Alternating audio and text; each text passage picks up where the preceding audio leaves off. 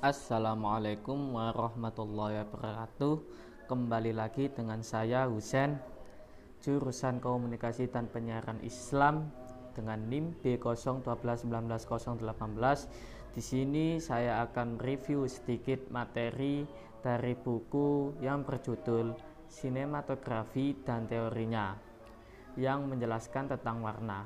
Oke, tidak panjang-panjang Langsung saja bagian intinya adalah pengertian warna. Warna adalah alat artistik dan mendongeng yang kuat dan kompleks mata pelajaran teknis. Seperti kebanyakan alat artistik, semakin baik Anda memahami sisi teknisnya, semakin baik Anda akan menggunakannya untuk melayani tujuan kreatif Anda. Warna penting untuk tidak pernah melupakannya bahwa fakta semuanya bermuara pada persepsi manusia atau dari mata dan otak kita. Apa yang biasa kita lakukan, warna panggilan lebih tepat disebut rona. Nilai adalah seberapa terang atau gelap warna dan saturasi adalah seberapa warna-warni itu. Di dalam video, kita lebih sering menyebutnya chroma saturation atau chroma saja. Warna desaturasi di istilah sehari-hari bisa disebut pastel. Istilah-istilah ini adalah dasar untuk dua model warna. Yang pertama hue atau saturation atau value atau HSV dan hue saturation atau ringan atau HSL. Sistem ini banyak digunakan dalam grafik komputer dan terkadang muncul di aplikasi yang digunakan untuk menangani video stream atau frame individu seperti saat menyelesaikan frame atau frame di Photoshop. Oke, lanjut yang kedua yaitu macam-macam warna atau jenis-jenis warna. Yang pertama atau warna primer. Warna primer merupakan warna pokok atau pertama yang pembentukannya tidak disertai dengan warna yang lain. Warna ini digunakan sebagai bahan campuran pokok sehingga menghasilkan warna-warna lain. Ataupun warna primer yaitu merah yang sebenarnya bernama magenta yakni merah semu ungu. Biru yang sebenarnya bernama cyan yakni biru semu hijau. Kuning yang sebenarnya bernama yellow. Yang kedua ada warna sekunder. Warna sekunder merupakan warna yang dihasilkan dari percampuran dua warna primer. Misalnya warna merah dicampur warna kuning, maka akan menjadi warna orange atau sekunder. Berikut ini adalah macam-macam warna sekunder, di antaranya orange atau jingga hasil campuran dari merah dengan kuning, hijau yaitu hasil campuran kuning dengan biru, ungu atau violet yakni hasil dari campuran biru dengan merah, yang ketiga ada warna intermediate. Warna intermediate merupakan warna pada lingkaran warna yang letaknya di antara warna primer dan warna sekunder. Berikut adalah macam-macam warna intermediate, di antaranya ada merah violet, yakni yang letaknya di antara merah dan violet atau ungu.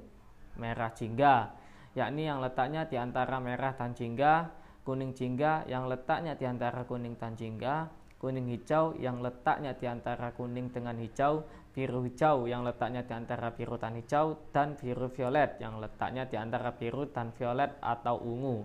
Yang keempat ada warna tersier. Warna tersier merupakan warna yang berasal dari percampuran antara warna primer dengan warna sekunder. Berikut adalah macam-macam warna tersier yaitu coklat merah merupakan warna yang dihasilkan dari campuran warna merah dengan warna hijau, Coklat kuning merupakan warna yang dihasilkan dari campuran warna kuning dengan warna ungu. Coklat biru yang merupakan warna yang dihasilkan dari campuran warna biru dengan warna jingga atau orange. Yang kelima ada warna quarter. Warna quarter merupakan warna yang berasal dari campuran dua warna tersier. Berikut adalah macam-macam warna quarter. Yang pertama coklat jingga, yang kedua coklat ungu, yang ketiga ada coklat hijau. Selain itu, warna dikelompokkan menjadi beberapa macam ataupun macam-macam warna tersebut ada warna netral yakni warna-warna yang tidak lagi memiliki kemurnian warna atau bukan warna primer dan juga bukan termasuk warna sekunder. Yang kedua ada warna kontras atau komplementer yakni Warna yang berkesan perlawanan antara warna satu dengan warna yang lainnya. Warna ini dapat bisa didapat dari warna yang berseberangan yang terdiri atas warna primer dengan sekunder. Yang ketiga ada warna panas, yakni adalah kelompok warna dalam rentang setengah lingkaran dalam lingkaran warna mulai dari warna merah sampai warna kuning. Yang terakhir ada warna dingin, yakni kelompok warna yang ada dalam kelompok rentang setengah lingkaran dalam suatu lingkaran warna mulai dari warna hijau sampai warna ungu. Oke, sekian dari saya tentang penjelasan warna dan sinematografinya. Apabila ada salah kata, mohon maaf, bisa dimaklumi. Akhirul kalam, ihtina suratul mustaqim. Wallahul muwafiq ila aqwamit thoriq. Assalamualaikum warahmatullahi wabarakatuh. See you. Assalamualaikum warahmatullahi wabarakatuh. Sebelumnya perkenalkan nama saya Husen dengan NIM B01219018. Di sini saya akan mereview sedikit tentang tipe afasia yang diakibatkan jika bagian otak mengalami kerusakan. Oke, langsung saja ada afasia tipe yang pertama yaitu afasia Broca atau non fluent Ciri-cirinya adalah kerusakan pada area broca. Tahu yang mau diucapkan tapi susah merealisasikannya. Struktur kalimat cenderung salah. Pemahaman pada teks sederhana lebih mudah. Tidak menggunakan function word tetapi memakai kata dasar. Nah, langsung afasia yang tipe kedua yaitu afasia Wernicke atau fluent atau word salad ciri-cirinya adalah yang pertama kerusakan pada area Wernicke yang kedua mampu berbicara lancar namun tidak bermakna. Yang ketiga kreasi kata-kata baru tanpa makna. Yang keempat kebanyakan penderita tidak menyadari kesalahannya. Yang terakhir adalah tipe afasia global atau severe form of non-fluent dan fluent apasia Ciri-cirinya adalah kerusakan pada area peris, perisilvian. Yang kedua, seluruh kemampuan berbahasa terganggu atau produksi dan komprehensi. Yang ketiga, terjadi kerusakan hampir di seluruh area bahasa di dalam otak, termasuk area Broca dan Wernicke. Kemudian ada komponen bahasa di sini saya mau menjelaskan sedikit apa itu komponen-komponen bahasa.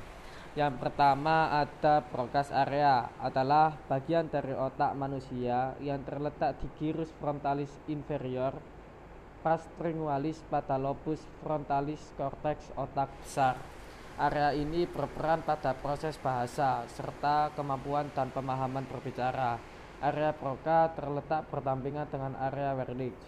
Yang kedua ada primary motor cortex adalah wilayah otak yang pada manusia terletak di bagian dorsal lobus frontal.